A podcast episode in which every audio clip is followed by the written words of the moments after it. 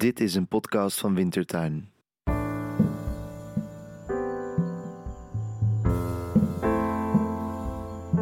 Welkom bij Radio Debuut. In deze reeks worden kerstverse debutanten geïnterviewd over hun debuten en het belang van literatuur. In deze aflevering ga je luisteren naar Selm Merel Wenselaars in gesprek met Nicky Dekker, Corinne Heijerman en Jan de Wortel.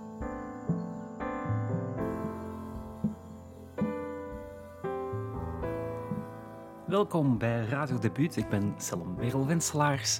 En inderdaad in gesprek met drie schrijvers, drie debutanten. Helaas, iemand is verhinderd, getroffen, geveld door uh, een, een, een, grip, vermoeden we. Nicky Dekker, uh, die voegt uit, maar gelukkig hebben we ook nog Corinne Herman en hebben we nog Jan de Wortel die aansluiten voor deze feestelijke aflevering. Want we hebben drie laudatio's uh, waar we het gesprek aan ophangen. Drie debutanten, drie boeken. En we hebben aan drie mensen gevraagd om daar uh, even naar te kijken, om daar iets over te zeggen en bij voorkeur iets feestelijks. En dat is om te beginnen Maria Pruis over Diep, Diep Blauw van Nicky Dekker. Met haar debuut schreef Nicky Dekker een roman die er nog niet was. Dat klinkt als iets wat nogal wiedes is, maar het is het tegenovergestelde van dat. De meest geslaagde debutant laat zien dat ze schatplichtig is en dat ze iets nieuws durft toe te voegen. Ik heb het schrijfproces van Nicky Dekker niet van nabij meegemaakt, heb alleen in het slottraject een paar keer met haar gesproken over wat toen nog het manuscript was. En ik was onder de indruk van een combinatie van eigenschappen die je niet vaak in één persoon vindt. Ze staat open en twijfelt tot op het diepste niveau en is tegelijkertijd overtuigd van eigen koers, op hetzelfde diepste niveau. Moet je je roman wel diep, diep blauw noemen? vroeg ik haar, prozaïs behept als ik soms ben.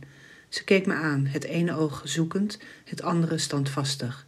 En kijk, zoveel maanden later, kan iemand zich nog het Nederlands literaire landschap voorstellen zonder diep, diep blauw? Wat is er voor nodig om te worden wie je bent?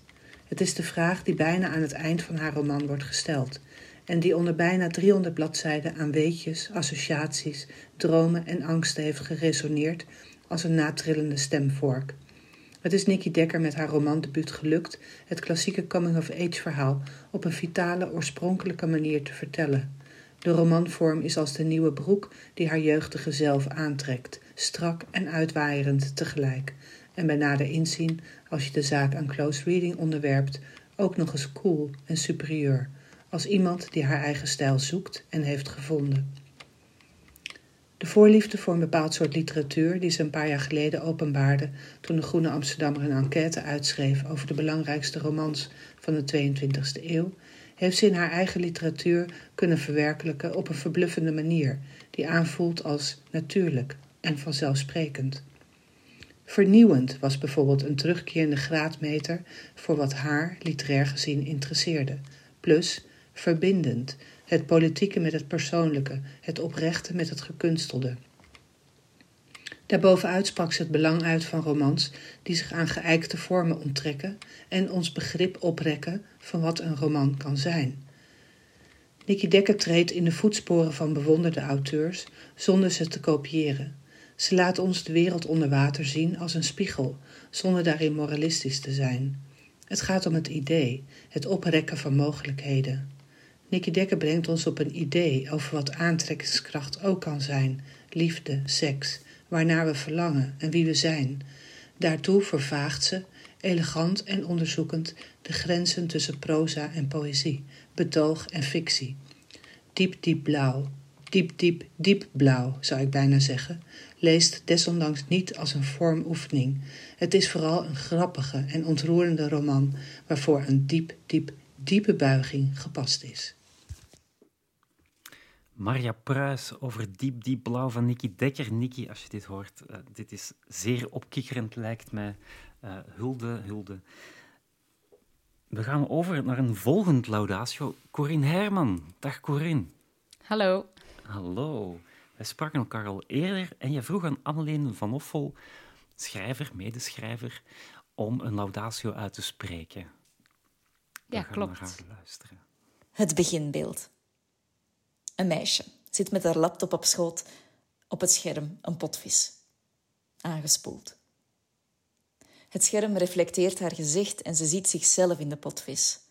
Een lubbig, weerloos lijf dat niet verplaatst kan worden zonder letsel op te lopen. Een ander beginbeeld. De lezer heeft het boek op schoot.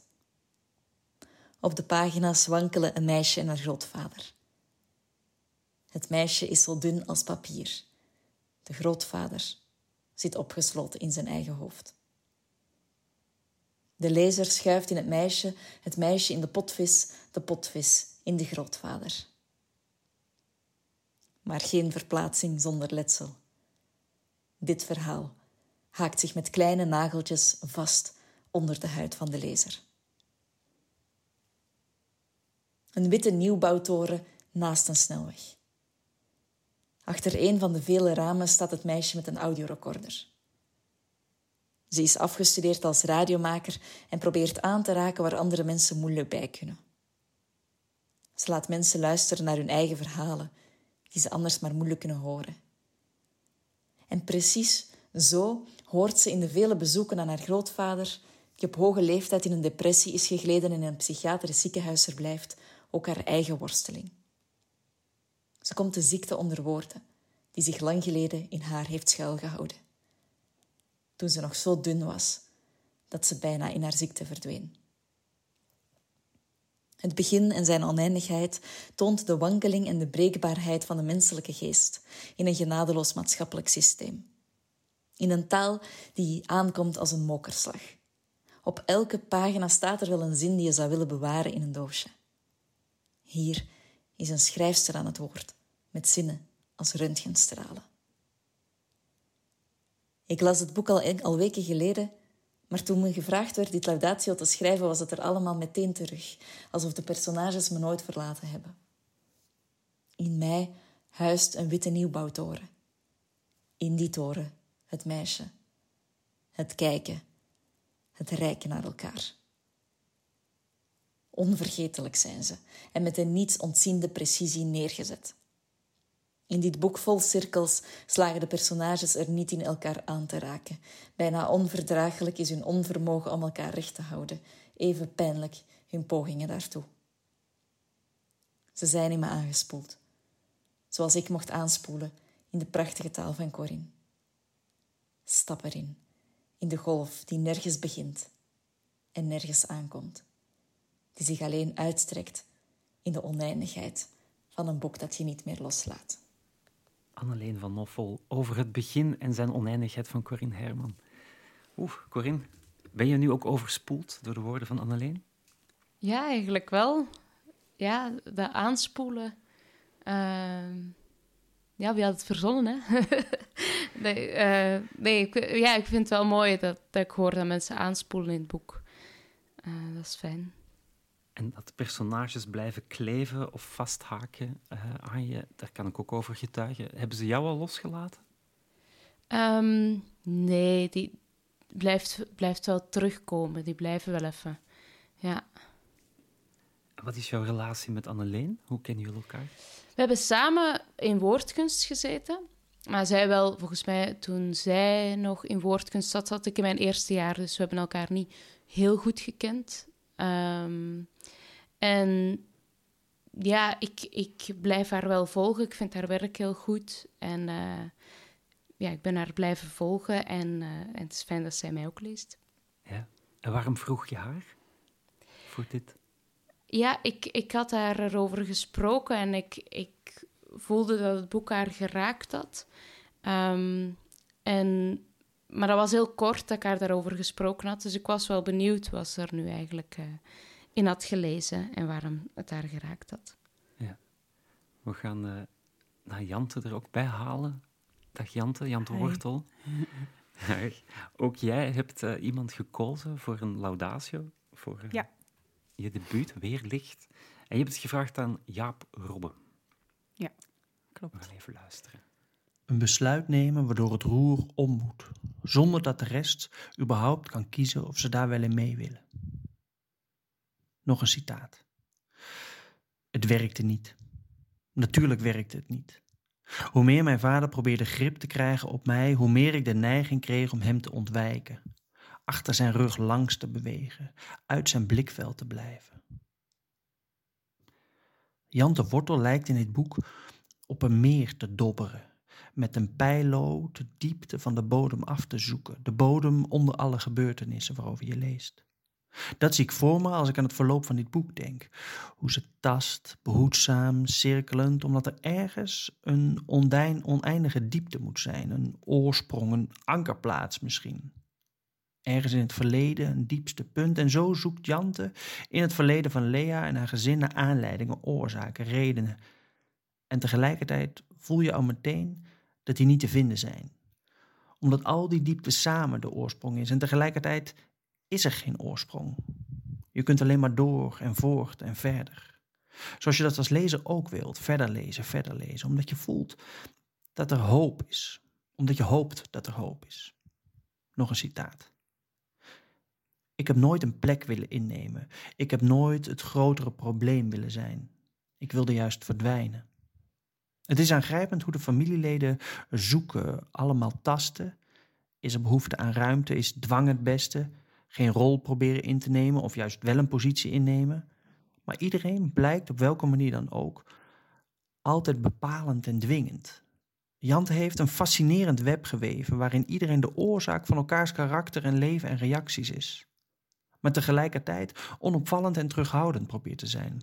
Die balans geeft een enorme spanning aan dit verhaal. Geen spanning die je meteen een schok geeft, maar een magnetische spanning die aantrekt en afstoot. Een spanning waar je niet tegenin kunt bewegen. Want is het überhaupt mogelijk om volkomen autonoom te zijn? Neem bijvoorbeeld de broer Vos.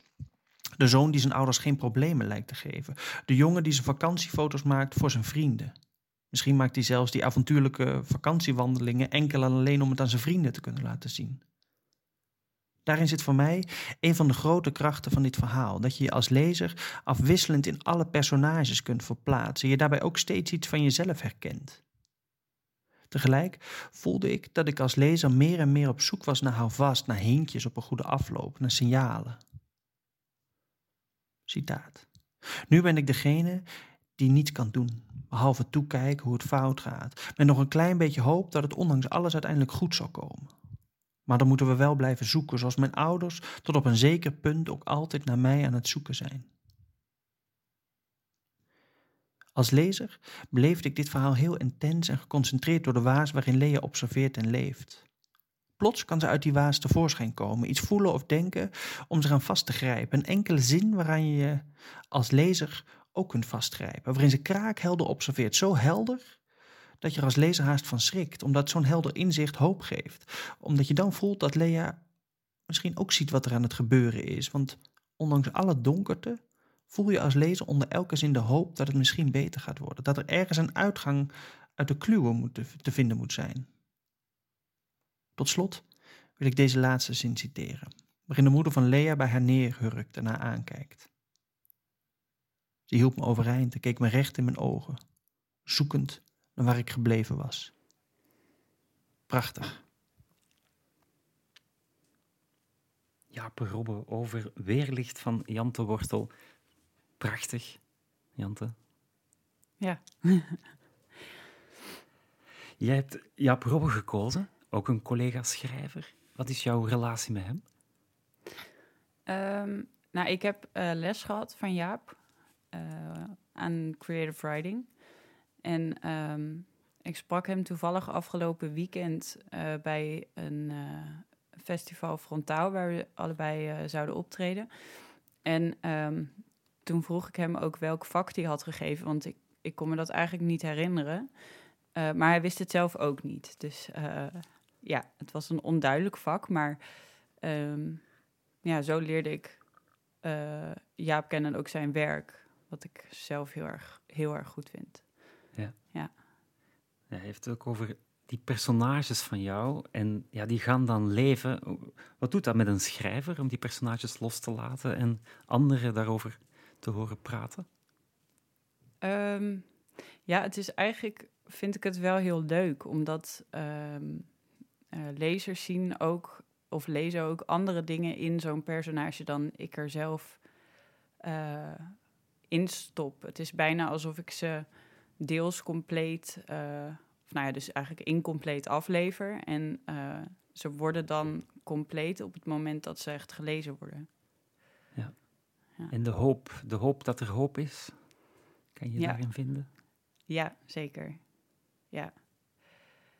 Ja, voor mij tijdens het schrijven ehm, was, had ik die hoop ook. Toch wel echt dat je, ondanks dat je het verhaal zelf aan het schrijven bent, dat je toch ook hoopt dat het goed komt met je personages. Ja. Ah ja, maar dat, is, dat, dat weet je niet. Dat verhaal ont, ontspint zich of dat eh, ontrafelt zich, dat eh, ontplooit zich. En je, op een manier onderga je het mee. Ja, je, eh, je schrijft het wel zelf, dus in principe heb je alles in de hand. Maar toch heb ik ook het gevoel dat, ehm, dat ik niet alle leiding heb. Het verhaal gaat ook zelf een kant op en de personages gaan zelf een, een kant op met elkaar. Corinne, Dus- ervaar je dat ook zo in het schrijven? Ja, absoluut. Soms, soms ben je iets aan het schrijven en dan denk je, dan heb je een haakje, hè, dan denk je, hier ga ik over schrijven en dan merk je, oh, eh, nu gaat het gesprek die kant op en dan eindigt je scène ineens heel anders dan je je had voorgesteld. Eh, of ja, misschien had ik het mij dan ook niet helemaal voorgesteld. Ik denk dat ik ook altijd wel met een bepaalde openheid probeer te schrijven. En Ja. dan, eh, En had je ook altijd die hoop? Leef je dan op die manier ook mee met die personages? Ja, ik denk wel dat, je die, dat die openheid een beetje gelijk staat aan hoop, denk ik. Dat, dat er altijd nog, nog iets kan en het, het kan ook altijd nog goed komen. Ik denk als een personage van in het begin totaal fataal duidelijk de mist ingaat, dat het misschien moeilijk te volgen blijft. Want dan denk je, ja, hier zit geen graantje hoop meer in. Al jullie boeken zijn zoektochten, zoektochten naar een oorsprong. Eh, dat kwam ook eigenlijk telkens weer in de Laudatio's mooi, mooi terug. Wat is die zoektocht, eh, Jante, in Weerlicht? Ehm, ja, Lea is. eh, maar eigenlijk met het hele gezin zijn zij op zoek naar eh, een oplossing of een eh, manier om, om beter te worden. Maar ik denk voor Lea zelf persoonlijk is zij ook op zoek naar zichzelf eigenlijk weer. Ehm, en soms, ik denk op die heldere momenten. dan weet ze wel dat dat deel van zichzelf er nog is. Ehm, maar ze is ook vooral op zoek naar, ehm, ja, naar het deel van haar dat daarnaar terug wil. Hoe ze daar dus weer, ja, eigenlijk weer van de ziekte, eh, zich los gaat maken van de ziekte. Ja. En ehm, ja, dat. Ja. Ja, Corinne, ook bij jou is het begrijpen, denk ik, hè, van ja, ook een ziekte een, een Ja. belangrijke motor. Ja, het is het, het enerzijds het zoeken naar het waarom, maar ook het zoeken naar het waarom van het waarom. Eh, wa- waarom willen mensen altijd een reden, een oorzaak eh, vinden? En waarom willen ze die graag zo omlijnd mogelijk als een pakketje? En kunnen we er ook mee omgaan als dat geen verpakking heeft, die oorzaak? Corinne en Jante, jullie kennen elkaar uit die rijke wintertuin. Hoe eh, zien jullie zelf parallellen tussen, tussen jullie werk of tussen, tussen het schrijverschap? Zien jullie? Ja, ons, ons onderwerp loopt natuurlijk dicht bij elkaar. Hè? Eh, Ja. de, de, de eetstoornis, het, het, het lichamelijke, ehm, het zoeken daarin. Dus, dus ja, ik vind het ook wel grappig dat we nu met z'n tweeën overblijven, want Ja. daar, daarin liggen onze, onze romans natuurlijk dicht bij elkaar. En verder Ja. denk ik ja, denk ook wel dat we andere schrijvers zijn. Ehm, ja, dus je vertrekt misschien vanuit een soortzelfde eh, thema, maar dat, ja, dat leveren toch heel andere romans op. Jante, welke verwantschap zie jij of voel jij? Ehm, Nou, ik zie inderdaad ook uh, vooral de thematiek dat we uh, in dat eetstoornisstuk uh, ja, toch wel eenzelfde soort, uh, nou ik zou niet hetzelfde soort boek willen zeggen, maar ja, boeken waarin een eetstoornis zo'n grote rol speelt, zie ik zelf niet heel vaak, of die lees ik niet heel vaak. Um, en ik denk ook wat ik interessant vond aan wat Corinne net zei over uh, dat pakketje waar, waar altijd naar gezocht wordt. Um, dat is in elk geval iets waar ik in mijn boek ook mee bezig ben. Uh, van waarom moet alles een pakketje zijn en wordt de behandeling dus ook gericht op dat pakketje en niks wat daar buiten ligt bijvoorbeeld. Um, en ik denk ook zeker, um, toevallig heb ik Corinne laatst gemaild, ja. uh, dat ik daarover ook wel met haar in gesprek wil gaan. En dat het me heel interessant lijkt wat daar, of daar iets uit gaat komen. Ja, oh. ja, lijkt mij ook heel leuk. Ja. ja. Dus, uh, ik heb meteen teruggemaild. uh, maar die afspraak is nog niet geweest. Dat had mooi geweest als we hier uh, iets konden over vertellen. Ja. Maar... Ah ja, we kunnen een begin maken natuurlijk van dat gesprek. Wat, wat ja, was je zeker. vraag precies aan Corinne? Um, ja, ik, ik ben vooral heel benieuwd um, of we samen nu uh, de boeken er allebei zijn en de gesprekken over het boek uh, eigenlijk bezig zijn of beginnen. Um, wat we daarmee kunnen doen als we als twee schrijvers daarover in gesprek gaan en gaan nadenken. Uh, en misschien uh, komt daar een product uit Um, maar misschien is het ook alleen een gesprek of, nou ja, wat ik nog wilde voorstellen, misschien iets van een briefwisseling of wat dan ook. Dat kan allemaal interessant zijn, maar ik ben sowieso heel benieuwd, ook als het niet uiteindelijk bij het publiek terechtkomt, uh, ja, om, om Corinne te spreken daarover, over die thematiek en, uh, en natuurlijk hoe het is om te debuteren, want dat hebben we allebei voor het eerst gedaan. ja. ja. Ja, eigenlijk is dat sowieso al heel leuk om te bespreken, want dat doe je niet zo snel. Hè? Je nee. zit toch vaak als schrijver een beetje in je eigen kokon. Dus, uh, dus dat is al heel fijn. En dat dan nog iemand ook daar iets heeft over durven schrijven ook wel, want dat is toch ook wel een hele stap. Ja. Um, en inderdaad, dan ook ineens... Ik denk dat het een heel leuk en ook interessant idee is om te kijken van wat kunnen we daar nu voor het publiek mee doen. Ja, en alle twee, dat kwam in onze gesprekken telkens terug, worstel je ergens ook mee hoe het dan ontvangen wordt. Het wordt goed ontvangen, voor alle duidelijkheid, maar dat het dan op een bepaald moment misschien toch um, gecategoriseerd wordt als een boek over eetstoornis, terwijl alle beide boeken veel meer zijn dan dat natuurlijk. Is dat ook een deel van de briefwisseling? Ja, dat kan ik mij wel voorstellen hoor. Want het is natuurlijk ook wel wat om, om uh, ja, iets over psychische kwetsbaarheid te doen. Of, of dat zit al heel snel ook in zo'n pakketje of in zo'n hokje. Um, ja, en dat krijg je ook wel vaak terug, vind ik, nu het boek er is. Ja. Uh, dus ik ben ook heel benieuwd hoe Jante daarmee omgaat. ja. Ja, en toch ook wel uh, door juist dat uh, psychische persoonlijke stuk... Um, merk ik dat ik ook wel anders benaderd word. Het wordt gelijk heel persoonlijk Um, en uh, waardoor de vragen ook vaak persoonlijk worden. Um, en van tevoren was ik natuurlijk ook wel bezig met: oké, ik schrijf niet alleen een boek over iemand met een eetstoornis. Uh, maar de rekensom is ook wel snel gemaakt dat dat iets met mij te maken heeft. Dus je stelt je daarin als schrijver ook heel kwetsbaar op. En um, ja, dat voelt ook wel zo. Ik heb wel een stukje van mezelf ook, of een stuk van mezelf in het boek gestopt. En uh, ja, dat is, dat is wel heel eng. En ik ben ook heel benieuwd, dus inderdaad, hoe dat uh, voor Corinne is.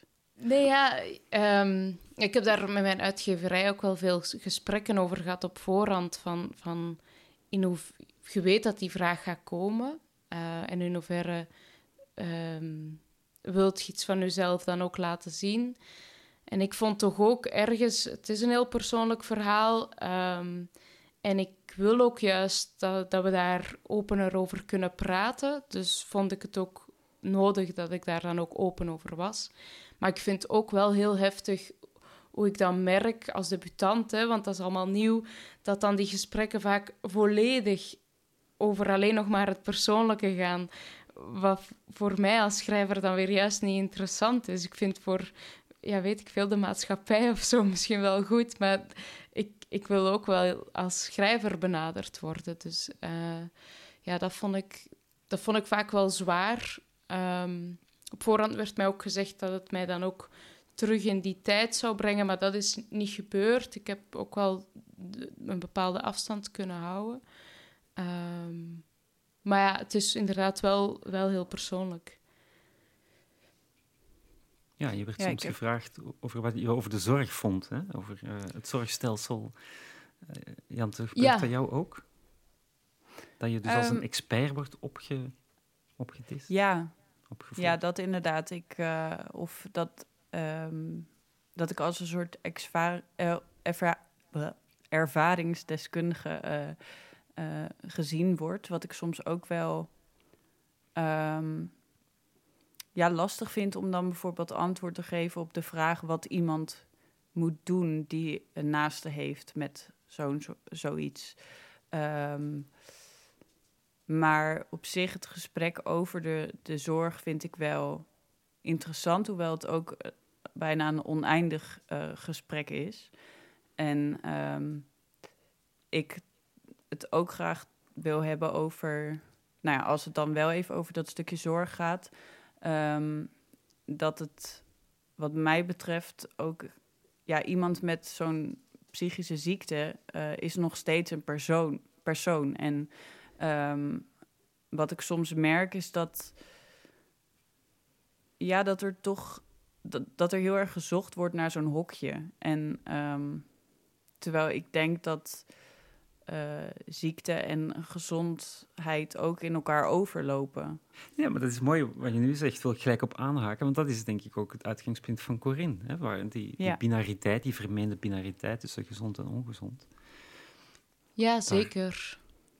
Ja, en dus is het als je zo'n vraag krijgt over de zorg, vind ik het ook juist heel belangrijk om daar een genuanceerd antwoord op te geven en dat het natuurlijk, ja, het komt er zitten zoveel factoren aan. Hè? Uh, um, maar in ons zorgstelsel wordt heel vaak nu vergeten dat die persoon, die cliënt wordt genoemd, dat die dan meer is dan die diagnose alleen en dat daar ook nog van alles onder zit. Er wordt heel erg defensief op de ziekte gereageerd, maar niet op, op de mens op zich. Uh, dus dat is een heel interessant antwoord, maar ik denk dan ook soms van ja, dan voel ik me soms ook maar schrijver of zo. ik heb natuurlijk heel veel mensen gesproken en ik heb mijn eigen uh, ervaringen. Maar, uh, maar ik denk dan, als, als het gesprek alleen daarover gaat, denk ik, ja, uh, moet je misschien een, een, daarin een deskundige vragen. Mm -hmm. Heb je al nee gezegd tegen vragen? Nee, ik ben heel slecht in nee zeggen. Uh, dus ik heb nog niet echt nee gezegd. En ik had ook wel spijt, want ik heb eens één keer gehad, dat dus, daar vertelde ik jou ook over, Selm, de vorige keer, dat, dat het heel erg over het... Over hier komt de schrijver die in een inrichting zat, uh, was. En er werd ook heel tijd zo uh, op mijn grootvader gewezen. En ik zei dan heel, heel netjes, de grootvader van het personage. en daar had ik echt wel spijt dat ik daar niet wat bruter durfde zijn of zo. Ik denk als ik bij een volgend boek, dan ben ik daar iets standvastiger in, denk ik. Want nu antwoord ik inderdaad wel, wel braaf. Jante, heb jij al echt uh, een lijn getrokken? Heb je al nee moeten zeggen? Nou ja, ik ben dus ook heel slecht in, in nee zeggen. Um, en ik, ik merk ook dat ik vaak pas achteraf denk oh ja, die vraag had ik eigenlijk helemaal niet hoeven beantwoorden. Of dat is best wel een vreemde vraag. Uh, um, en in het moment geef ik dan gewoon antwoord en is het allemaal, uh, allemaal goed. Um, maar ik heb na een paar uh, gesprekken heb ik wel iets beter geleerd hoe ik om zo'n antwoord heen kan praten. Dus dat ik eigenlijk iets heel anders zeg dan een antwoord op de vraag. Waarin ik ook wel een soort van laat merken van ja, er is geen eenduidig antwoord op. Of het is niet interessant om dit persoonlijke aspect van mij nu helemaal uit te lichten. Um, en wat jij zegt, Corinne, herken ik ook wel dat, dat je constant onderscheid moet maken tussen uh, de jij als in de schrijver en het personage. Dus ik heb mezelf ook wel eens horen zeggen. Ja, want Lea, uh, het personage in het boek. uh, ja. ja, heel herkenbaar.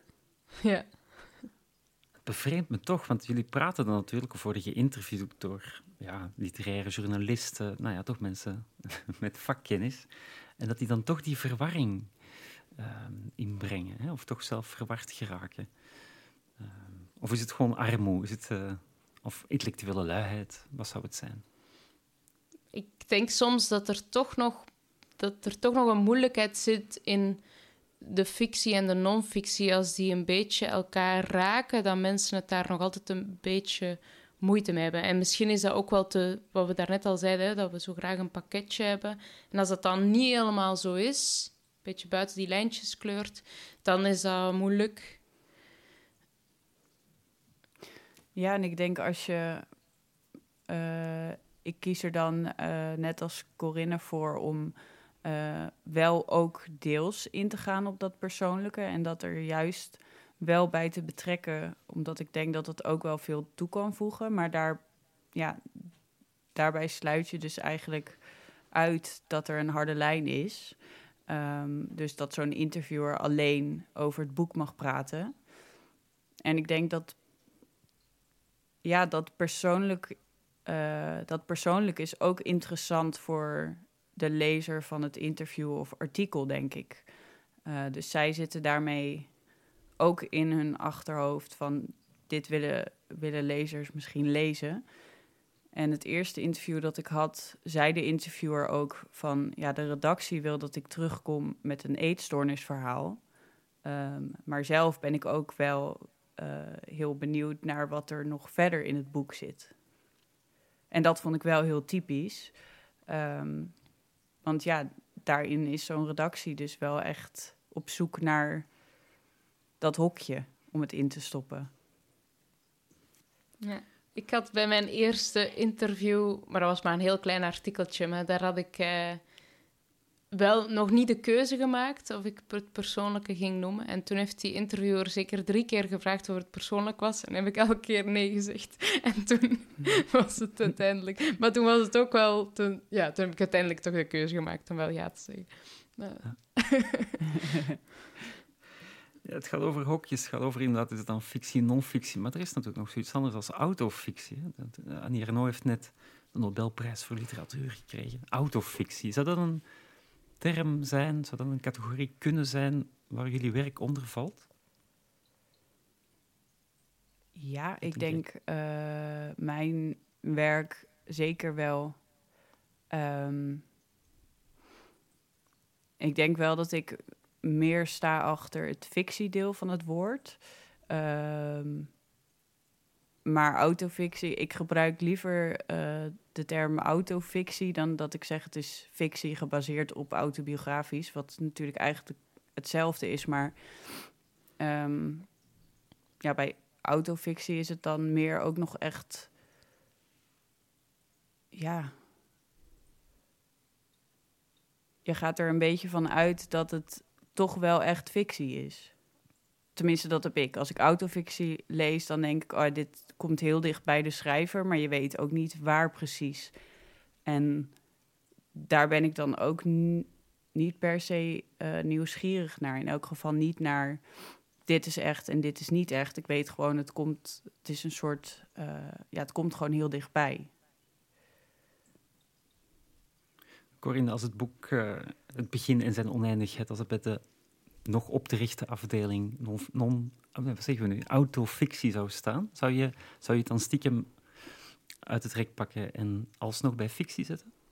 Of staat nee, hij daar nee. goed? Ik vind dat hij er wel mooi staat dan. Ik vind autofictie ook, eigenlijk net als Jante, wel een, een mooie term. Het heeft ook iets eh, speels en de, de, de schrijver lijkt er echt nog wel een hele compositie van gemaakt te hebben. Het is, het is inderdaad niet autobiografisch of zo. Het, is, het heeft echt een, een meerwaarde. Ehm, ik hou zelf ook van autofictie om te lezen. Dus ik, nee, ik zou wel gra- graag staan. En ken je het werk van, eh van Ernaud, van Annie Ernaud? Ja, ja. Ja. Is dat een, Ik had eigenlijk toevallig net nog, ja? ja, ik had toevallig de jaren en het voorval eh, gelezen. Eh, dus ik dacht dat die, die Nobelprijs komt op het juiste moment. Eh, Ja, nee, ja, heel mooi. Absoluut. En Jante, ken jij het? Ja, ik heb eh, vorige week het voorval gelezen. Eh, en ik moest er inderdaad daar ook gelijk aan denken eh, bij autofictie. En eh, ja, heel. eh, of nou, ja, ik moest daar aan denken toen ik zei van je, je voelt dat het heel dichtbij komt. Ehm, en, en dat vind ik ook heel mooi aan, aan haar werk. Ja, en, en ik heb dan zelf niet zo van... Oh, het is echt gebeurd. Of dat dat mij treft. Is, het is haar taal die mij treft. En, en ook haar compositie. En, en dat vind ik heel mooi aan hoe ze schrijft. En dat zal misschien ook wel komen doordat, doordat het echt is. Of, of dat zou kunnen. Dat, ze, dat het daarom ook zo, zo vloeiend loopt of zo. Maar ik vind dat vooral heel mooi aan Erno. Ja, ik, ik bedoelde ook niet per se eh, dat omdat het autofictie is, dat je voelt dat het dichtbij komt. Ehm, ik was daar in het laatste jaar van mijn opleiding veel mee bezig. ehm, dat ik bepaalde boeken had ehm, waarvan ik of waarvan dan bekend was van nou, dit is autobiografisch. Eh, en dat raakte me dan heel erg. Ehm, maar dat er ook boeken waren waarvan eh, het werd gepresenteerd als autobiografisch en dat raakte me helemaal niet. Ehm, en ik was heel erg op zoek naar, naar de, ja, wat raakte me dan? En ehm, daarbij kwam ik uit op echtheid, maar dan wel tussen haakjes, want eh, met echtheid bedoel ik dan dus niet dat het echt gebeurd is of dat het waar is, maar dat het echt voelt. Ehm, ja, dat het gewoon dichtbij komt. En ik denk dat dat ook kan in volledig verzonnen fictie, natuurlijk. Ehm, want autofictie is eigenlijk ook weer zo'n hokje waar je dan misschien van kan denken: oh ja, nou, daar heb ik geen zin in, want dat is, eh, is gewoon een schrijver aan het blaren of zo. Maar eh, ja, die, die echtheid, ook al is het dus nog steeds eigenlijk een va- vage term, die vind ik, eh, vind ik heel interessant. Ja, dat is heel mooi. Echtheid. Waar raakt jou, eh Corinne, in literatuur, in kunst? Ehm, ja, ik vind die, die echtheid wel heel treffend, omdat ik, ik word eigenlijk geraakt door hele kleine dingen. eh, kleine voorvallen, toevallige dingen die net op de verkeerde plek stonden. Eh, en dat is vaak wel de werkelijkheid of zo. Hè, dat, dat net die auto dubbel geparkeerd stond en toen net eh, een fietser langskwam. En eh, het is nu niet zo'n heel spectaculair moment, maar het zou heel mooi kunnen zijn. In de sneeuw bijvoorbeeld. Ehm, dus, dus dat is wat mij raakt en dat is dan misschien ook die echtheid, omdat daarin de dingen soms poëtisch samenvallen. Ja. Nou ja, Corinne, jouw boek begint met een quote van Walschap. De mens, je kunt jij daar niet aan uit. Ja, Vind je dat ook in Walschap? Nu begin ik met je te praten zelf. ja, ja, van, vanzelf. Hè. Ehm, en de, de, zo de kleine dingen. Ja, ik moet nu wel zeggen dat dat lang geleden is hoor. Ik heb eigenlijk die quote ook gekozen. Eh, ik heb les gehad van Jos Boré. Of Jos, ik zeg nu Jos, maar dat, dat is natuurlijk een heel erg Vlaamse eh, persoon. Jos Boré eh, in woordkunst. En, eh, en hij was. eh, ehm, ja, de biograaf ook van Walschap. En was ook een beetje een ode aan hem, aan, hem, aan Jos Boré. En dat was onze literatuurdocent in woordkunst. ja, en zo hebben wij Walschap allemaal gelezen. Ehm, ja, het is lang geleden. Ik kan het niet meer precies terughalen of ik dat nu precies ook in Walschap terugzie. Ik vind wel de quote heel erg goed. Ja. Jante, heb jij overwogen om een quote in je boek op te nemen? Om, om ook een literaire verwijzing te maken? Ik heb even, even, even snel gekeken. Je hebt er geen, hè? Heb je dat Nee, uh, ik heb er overwogen? geen. Nee. Uh, ik heb het wel overwogen. Um, maar achteraf... Ja, ik heb er misschien ook niet goed genoeg naar gezocht. Ik heb wel uh, overwogen iets van uh, te doen, omdat um, in zijn werk die echtheid mij dus heel erg raakte. En mijn. ja, toen ik daar veel mee bezig was, ging ik heel erg in, in zijn werk zoeken eigenlijk. Maar um, ik merkte toen dat in één zo'n quote kon ik de echtheid niet vinden. En uh, ik merkte ook dat het niet. Um, ja, ik had niet het idee dat het echt iets toe zou voegen. Um, als ik het bij mijn. Ja, als je dat zou lezen uh, voor mijn boek. Um, ja, dus ik, ik heb ervoor gekozen om het uh, ja, toch maar niet te, niet te doen. Ja, maar je hebt al die knausgaards allemaal nog eens een keertje vastgepakt en gekeken. Zit daar niet toch die ene zin in? Ja, ik heb ze helemaal doorgelezen uh, op zoek naar een quote. Niks gevonden. Nee, nee. en waar raakt je zo in het werk van Knausgaard? Wat, uh... um, ja, ik denk ook een soort uh, rauwheid, maar vooral... Um, ik had ik heb een aantal keer echt wel plaatsvervangende schaamte gevoeld. En um, uh, ik denk dat ik vind dat heel mooi als je um, als schrijver ook uh, bijna gênante dingen over jezelf wel bloot durft te geven. Um, en ja, dat je dat gewoon doet. Uh, en durft eigenlijk, want daar heb je vooral, denk ik, heel veel uh, lef voor nodig.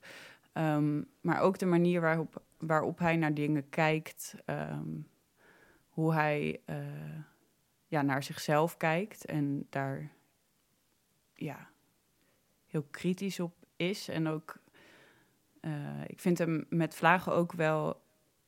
Nou, merk ik dat ik het zelf ook doe, maar volgens mij schrijft hij ook wel. Hij schrijft wel echt over zichzelf, maar. Um, met vlagen dat ik hem ook wel echt arrogant vind. Uh, en dat ik me afvraag of hij dat nou zelf ook vindt. Dat weet ik niet. Um, en tegelijkertijd weet ik van sommige stukken dat ik het ook niet geloofde. Uh, van ja, hij schrijft dan een stukje over ergens dat hij vier was. Uh, en dan weet ik van dat moet haast wel uh, ook heel erg ingevuld zijn, maar dat, dat vind ik dan niet erg. Um, ja, ik denk die echtheid komt toch weer de hele tijd op die echtheid uit. Uh, die, uh, die vind ik heel mooi. Ja, maar dat vereist dus lef en een nietsonziendheid. Ja, ja, dat denk ik wel. Wat jullie denk ik allebei typeert. Maar misschien is het zachter en allerminst arrogant. Hè? Dat kan ik alvast zeggen. ik vind het op geen moment arrogant. Is het dan een, een genderding? Uh, en wat dan? Nou ja, Knausgaard, de, de man. Oh, die dan, in, die dan meer dan, lef heeft. Ja, is het dan meer lef? Of is het dan meer niets ontziend? Of wat is... Wat is het verschil tussen, tussen Knausgaard en Herman? Hmm. Ja, ik denk...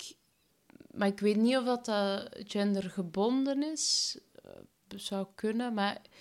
Um, eh, wat, wat ik in elk geval altijd doe, is, is en soms een beetje te veel, denk ik, maar ik probeer met iedereen rekening te houden.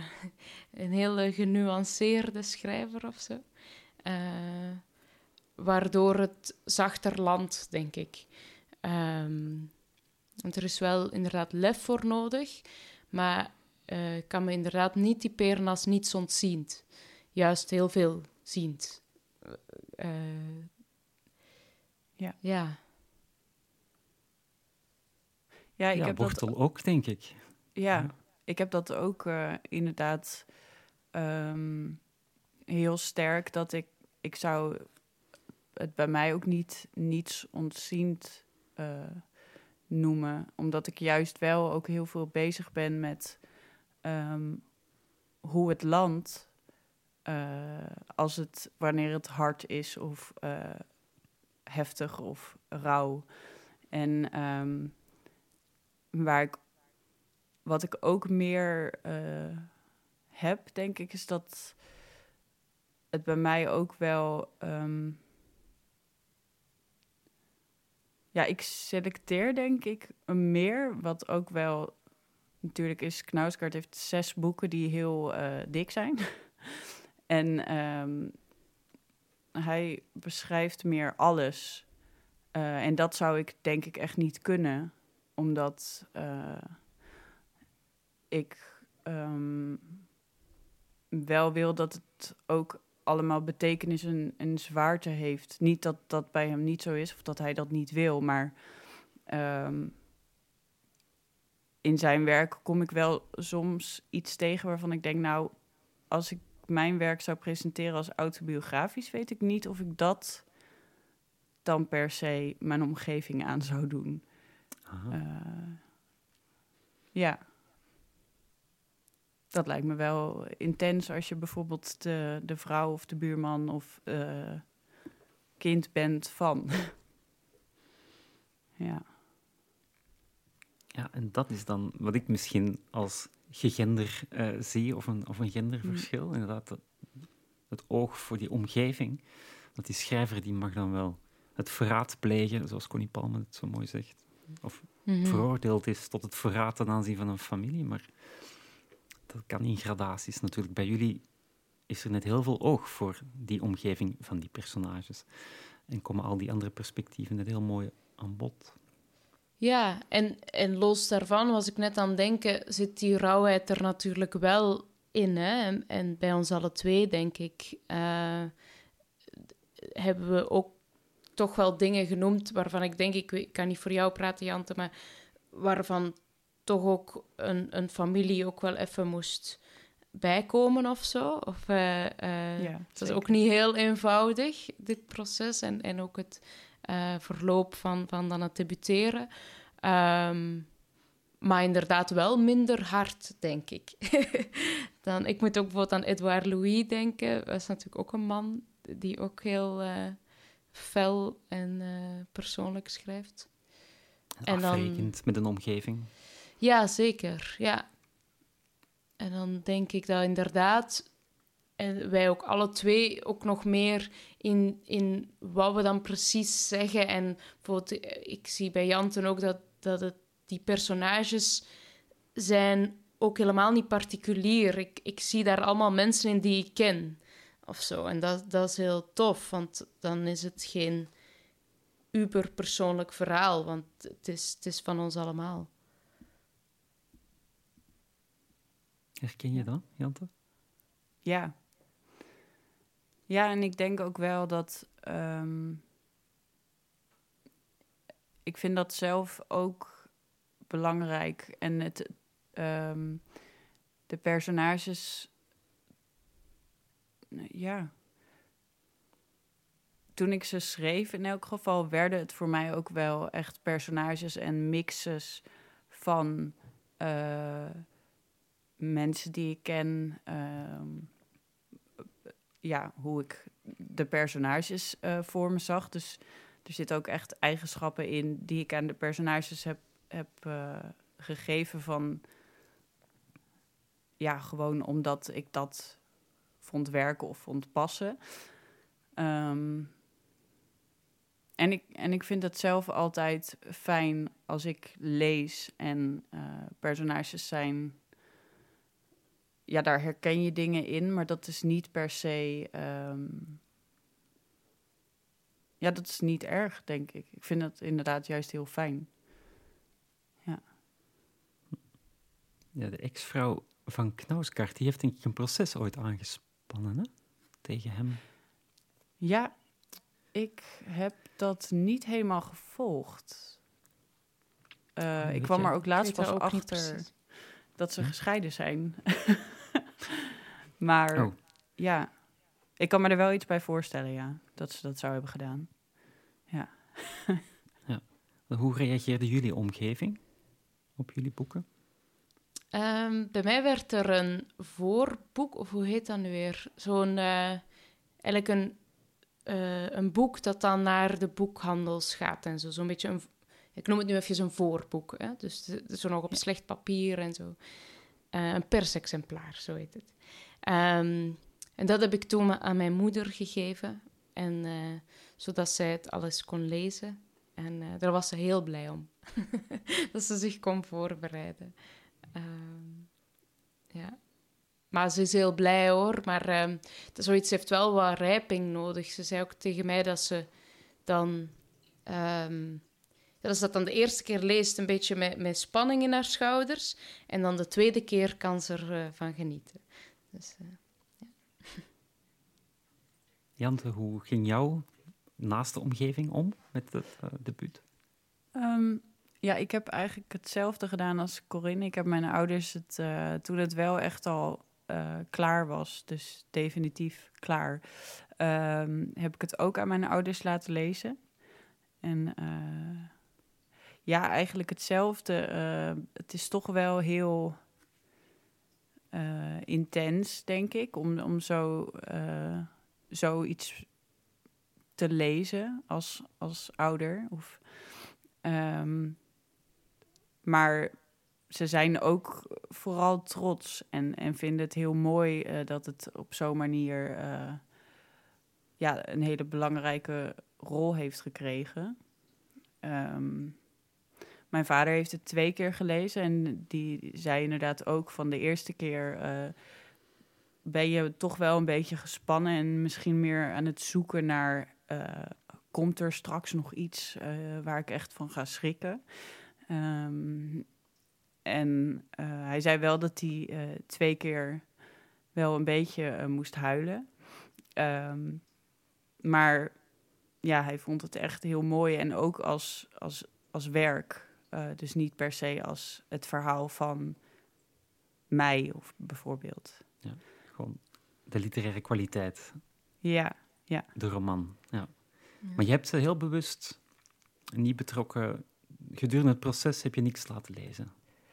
Nee, uh, ook omdat ik wist um, dat ik ook al zou ik me voornemen, ik ga niks met, met hun reactie doen.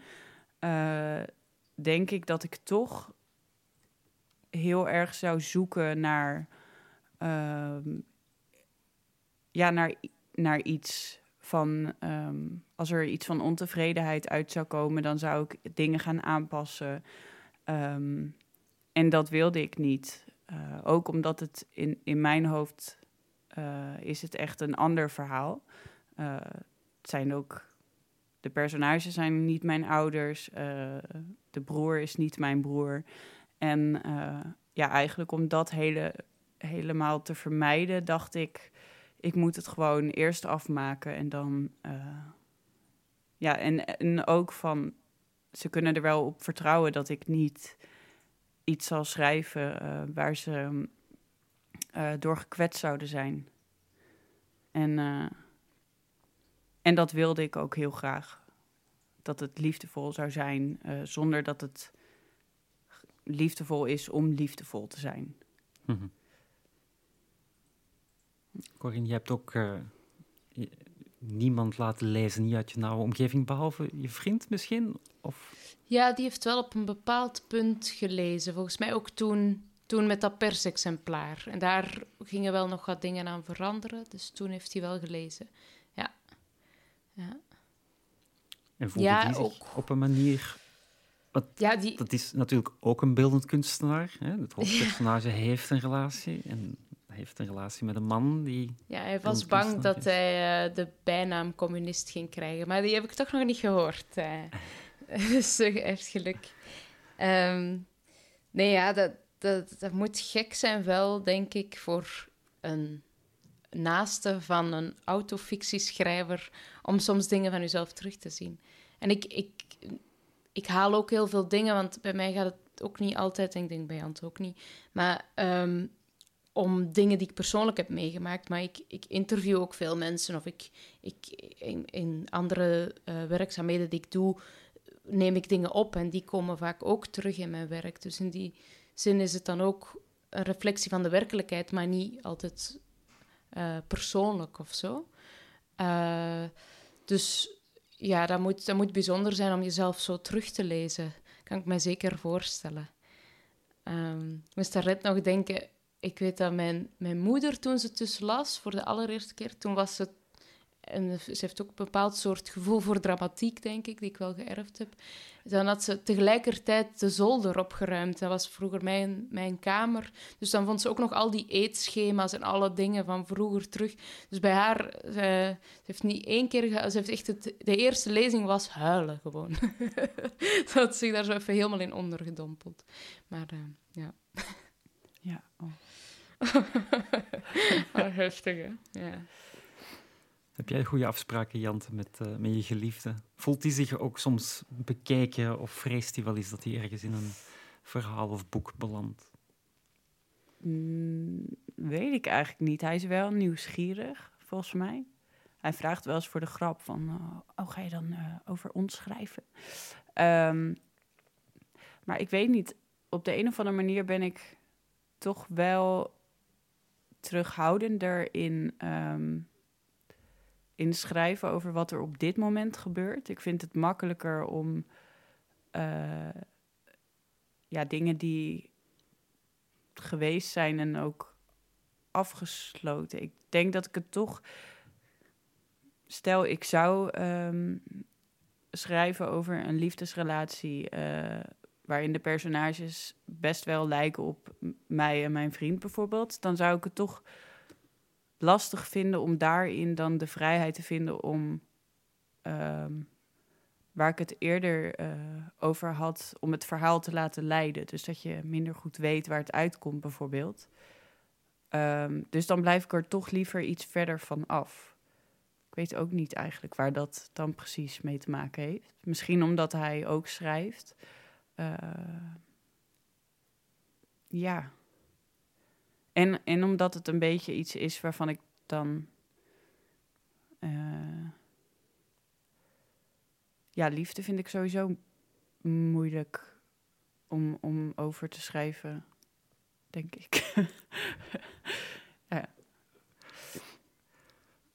ja, nee, we hebben daar ook geen afspraken over of zo. Het, het mag gewoon. Eh, dus misschien eh, wordt mijn volgende boek, eh, gaat het alleen maar over mijn vriend. Maar nee. De liefde, dat dat moeilijk is om over te schrijven, jee. De hele wereldliteratuur bulkt ervan. Maar jullie hebben inderdaad de moed om over moeilijkere of, of, of misschien zelfs pijnlijkere dingen te schrijven die voor anderen allicht veel moeilijker zijn. Ik vrees dat dit gesprek voor vandaag eh, ergens nu ongeveer ophoudt. Maar het gesprek tussen jullie gaat ongetwijfeld verder. Gaan jullie Ja, graag. schrijven? Jullie gaan schrijven of eh, jullie gaan de podcast... Nou, het idee moet zich nog vormen, begrijp ik. Ja. Ja. En ik, ik denk, maar goed, eh, met mij en vele anderen, eh, dat we heel graag meelezen of meeluisteren als het gepast is. Maar het mag natuurlijk ook gewoon tussen jullie blijven. Corinne Herman, Jan de Wortel, heel veel dank. Dankjewel. ja, dankjewel. En Nicky Dekker, we denken aan je. Veel beterschap. ja, veel liefs. Liefs, ja.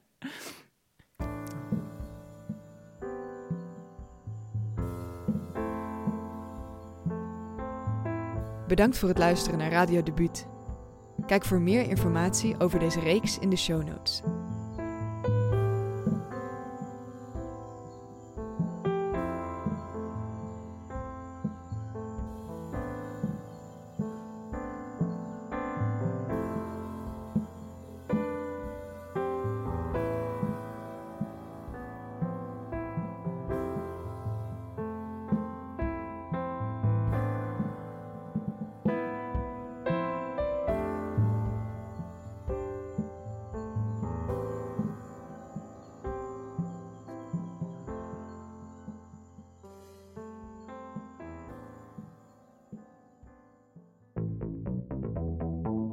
Was een podcast van Wintertuin, aangesloten bij de Nieuwe Oost. Volg ons via jouw favoriete podcast-app voor meer podcasts over verhalen, literatuur en schrijven. Tot de volgende keer.